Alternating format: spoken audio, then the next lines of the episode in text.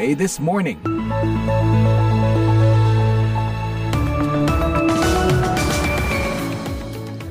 Halo selamat pagi, apa kabar? Sudah hampir akhir pekan, apakah Anda sudah menyiapkan rencana khusus weekend ini? Yang jelas pagi ini seperti biasanya, redaksi VOA sudah menyiapkan serangkaian berita hangat dalam VOA This Morning hari Jumat 25 Agustus 2023 yang kami siarkan live dari Studio 17 VOA di Washington DC bersama saya Rifan Astono.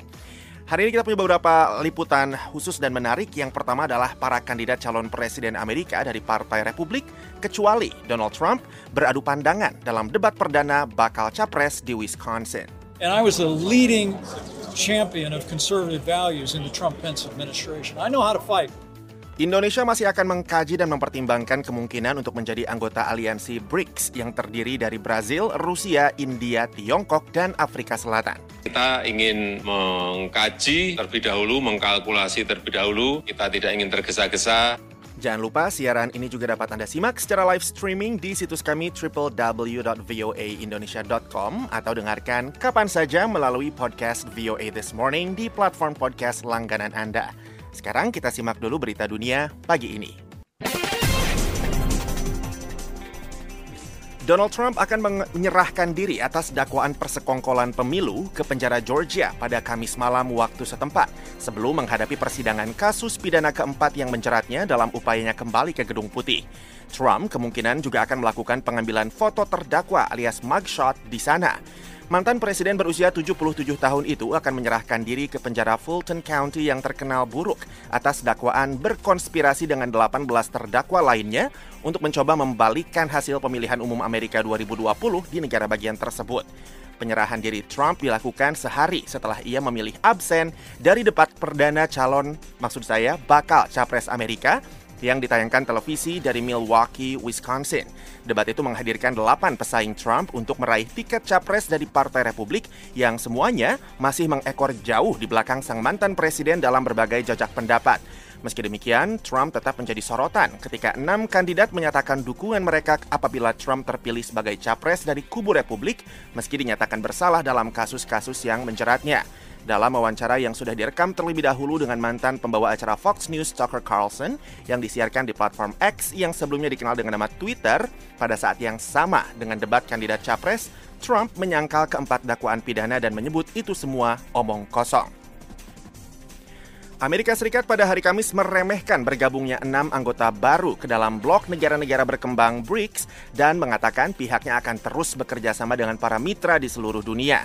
Pada konferensi tingkat tinggi di Afrika Selatan, BRICS yang mencakup musuh Amerika Serikat yaitu Tiongkok dan Rusia mengatakan bahwa mereka akan menerima anggota-anggota baru termasuk Iran, musuh bebuyutan Amerika sejak revolusi Islam tahun 1979. Amerika Serikat menegaskan kembali keyakinannya bahwa negara mana pun dapat memilih mitra dan kelompok yang ingin mereka ajak berasosiasi, kata juru bicara Departemen Luar Negeri Amerika. Salah satu pemain yang diawasi dengan seksama adalah India, negara anggota BRICS lainnya yang juga tekun di dekati Amerika. India akan memimpin KTT G20 di New Delhi bulan depan yang akan mempertemukan negara-negara maju dan negara-negara berkembang negara-negara barat menginginkan hasil pertemuan yang kuat di New Delhi untuk menunjukkan peran G20 sebagai forum utama kerjasama ekonomi, mendorong agenda afirmatif dan ambisius untuk negara-negara berkembang dan kurang berkembang, kata Gedung Putih.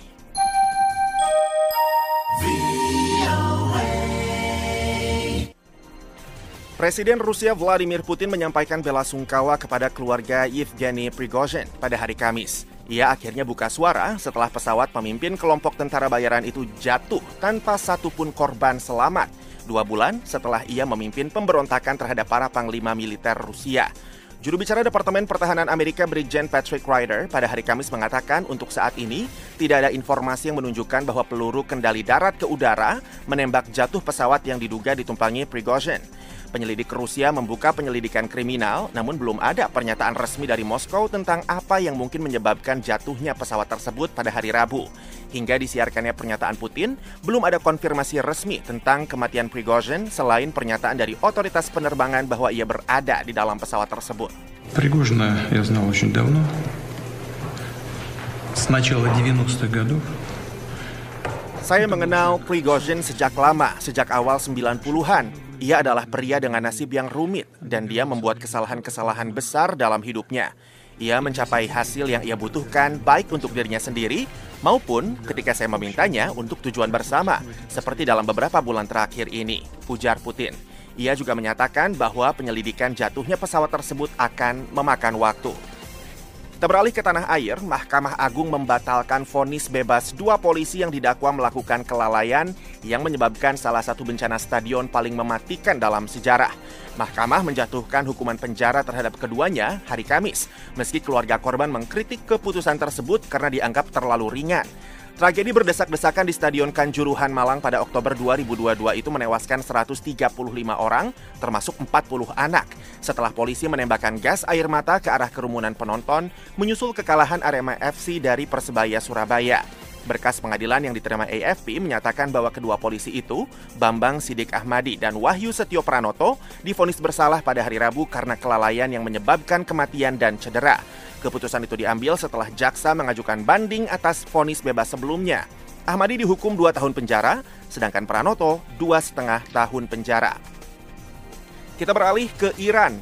Kantor kejaksaan di Iran mendakwa seorang wartawan di Teheran yang menerbitkan foto-foto yang menampilkan sejumlah perempuan menari tanpa mengenakan hijab. Javad Haidarian mengungkap hal itu di X, platform media sosial yang sebelumnya bernama Twitter. Javad mengatakan dirinya dipanggil jaksa di Teheran dan didakwa atas tuduhan menyebarluaskan perilaku tidak senonoh melalui penerbitan foto-foto yang menunjukkan kegiatan menari dan tanpa hijab di Festival Budaya Lidoma. Festival Lidoma, perayaan rutin yang digelar setiap bulan Agustus oleh masyarakat Lur di Iran, berlangsung di Aula Konferensi Menara Milad, menara tertinggi di Iran. Sejak unjuk rasa berskala nasional tahun lalu setelah kematian Mahsa Amini, seorang perempuan Iran berusia 22 tahun saat berada dalam tahanan polisi, otoritas kehakiman negara itu telah menarget para jurnalis yang memberitakan unjuk rasa tersebut dalam kapasitas apa pun. Iran menempati peringkat 177 dari 180 negara dalam Indeks Kebebasan Pers Dunia 2023. Demikian berita dunia VOA Washington.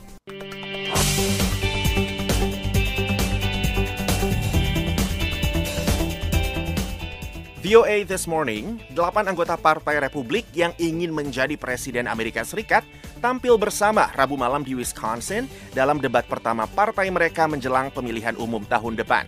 Kepala Koresponden Nasional VOA Steve Herman berada di arena debat di kota Milwaukee dan berikut laporannya. Acara debat selama dua jam itu yang pertama digelar oleh Partai Republik dalam siklus pemilu kali ini menampilkan adu argumen penuh semangat mengenai apa yang oleh salah seorang moderator disebut sebagai gajah yang tidak berada di dalam ruangan yang mengacu pada kandidat terdepan partai yang absen mantan Presiden Donald Trump. Sebagian kandidat seperti mantan wakil presiden era Trump, Mike Pence, dan mantan gubernur New Jersey Chris Christie menganggap Trump tidak memenuhi syarat untuk kembali menjabat karena apa yang mereka katakan sebagai sikap tidak hormatnya pada konstitusi serta lebih dari 90 tuduhan kejahatan yang kini dihadapinya. Mantan Gubernur South Carolina Nikki Haley menyatakan Trump adalah politisi yang paling tidak disukai di Amerika. Kita tidak dapat menang dalam pemilihan umum dalam keadaan seperti itu, ujarnya. Namun, pendatang baru di kancah politik, Vivek Ramaswamy, yang sedang naik posisinya dalam berbagai jajak pendapat membela Trump dengan mengatakan bahwa dia percaya Trump adalah presiden terbaik abad ke-21. Ramaswamy juga berbeda pendapat dengan peserta lainnya dengan mempertanyakan dukungan Amerika bagi Ukraina. Dia mengatakan Tiongkok adalah ancaman yang lebih besar bagi Amerika daripada Rusia. Setelah debat, Pence mengatakan kepada para wartawan bahwa tidak seorang pun perlu mempertanyakan semangat dan kekuatannya di panggung debat. I was the leading champion of conservative values in the Trump-Pence administration. I know how to fight. Saya adalah pendukung utama nilai-nilai konservatif dalam pemerintahan Trump-Pence. Saya tahu caranya bertarung dan saya gembira bisa melakukan pertarungan itu malam ini. Lawan utama Pence dalam debat malam itu, Ramaswamy mengatakan dia menyukai serangan verbal yang diarahkan kepadanya oleh mantan wakil presiden Pence. Mike Pence kept coming at me with that with the experience differential. I think that's a great thing. Mike Pence menyerang saya dengan perbedaan pengalaman. Saya kira ini adalah yang hebat karena menurut saya rakyat di negara ini tidak tertarik untuk kembali ke orang-orang yang mengucapkan slogan-slogan yang mereka hafalkan pada tahun 1980. Trump unggul sekitar 40 persen atas penantang terdekatnya dari Partai Republik, Gubernur Florida Ron DeSantis, dan semua lawan Partai Republik lainnya hanya memperoleh kurang dari 10 persen dalam jajak pendapat nasional. Partai Republik akan melangsungkan debat kedua bulan depan di California. Namun, salah satu dari para kandidat ini akan kembali ke arena debat di kota Milwaukee, Wisconsin ini pada bulan Juli tahun depan untuk secara resmi menerima pencalonan partai. Dari VOA Washington DC, saya Leona Triono.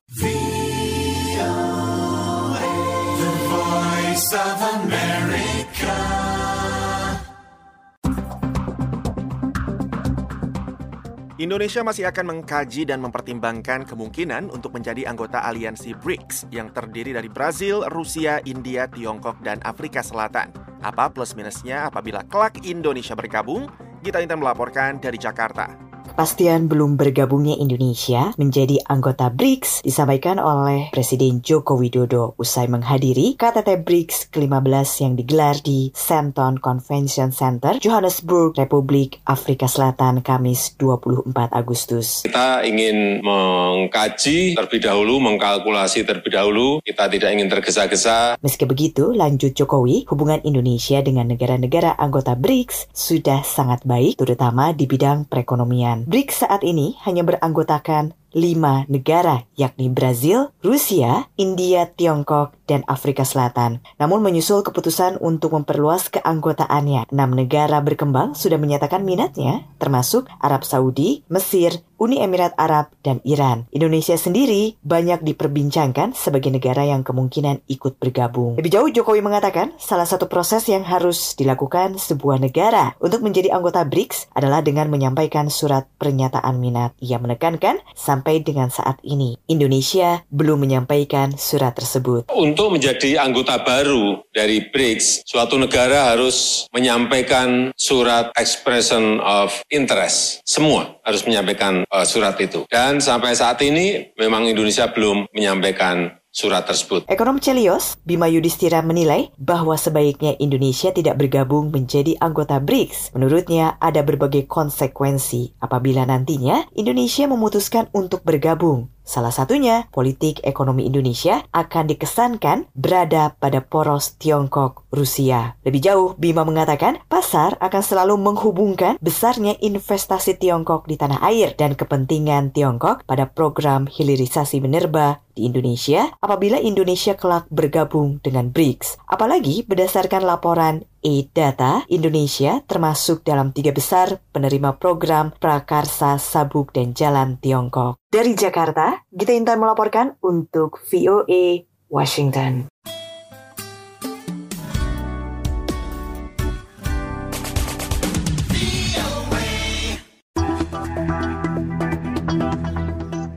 Menteri Dalam Negeri Mendagri Muhammad Tito Karnavian menerbitkan instruksi Mendagri tentang pengendalian pencemaran udara di wilayah Jakarta, Bogor, Depok, Tangerang, dan Bekasi.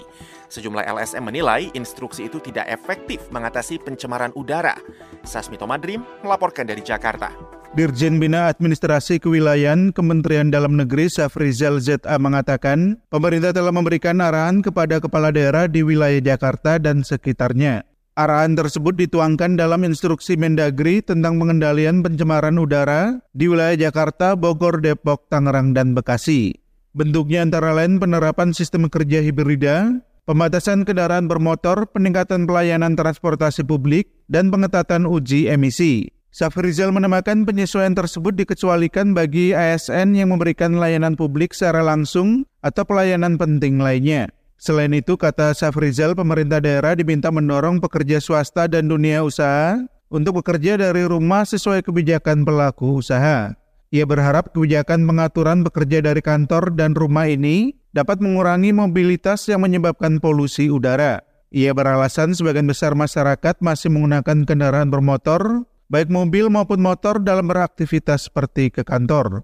Menanggapi hal itu, manajer program bioenergi Tren Asia Amalia Reza Oktaviani menilai instruksi Mendagri tidak akan efektif. Sebab kata dia persoalan polusi merupakan masalah struktural, sedangkan instruksi tersebut lebih fokus pada seruan ke individu. Sebagai contoh, soal emisi tidak hanya dikarenakan kendaraan bermotor di Jakarta, tapi hal tersebut juga disebabkan kebijakan pemerintah yang memberikan izin sembarangan ke tambang di berbagai daerah yang kemudian merusak lingkungan. Pemerintah mengeluarkan izin-izin industri ini, mereka tidak memperkirakan atau menghitung daya tampung suatu wilayah gitu uh, akhirnya dikeluarkan saja izin-izin tapi daya tampung wilayahnya tidak diukur.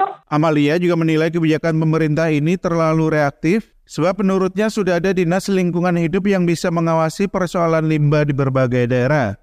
Karena itu, kata dia, pemerintah semestinya juga perlu memastikan instrumen dan fungsi dari kementerian lembaga bisa berjalan ketimbang membuat instruksi seperti ini. Ia mengusulkan pemerintah agar serius dalam menangani polusi udara di Indonesia. Salah satunya yaitu dengan mulai transparansi terkait data dan informasi yang berkaitan pengelolaan sumber daya alam di Indonesia.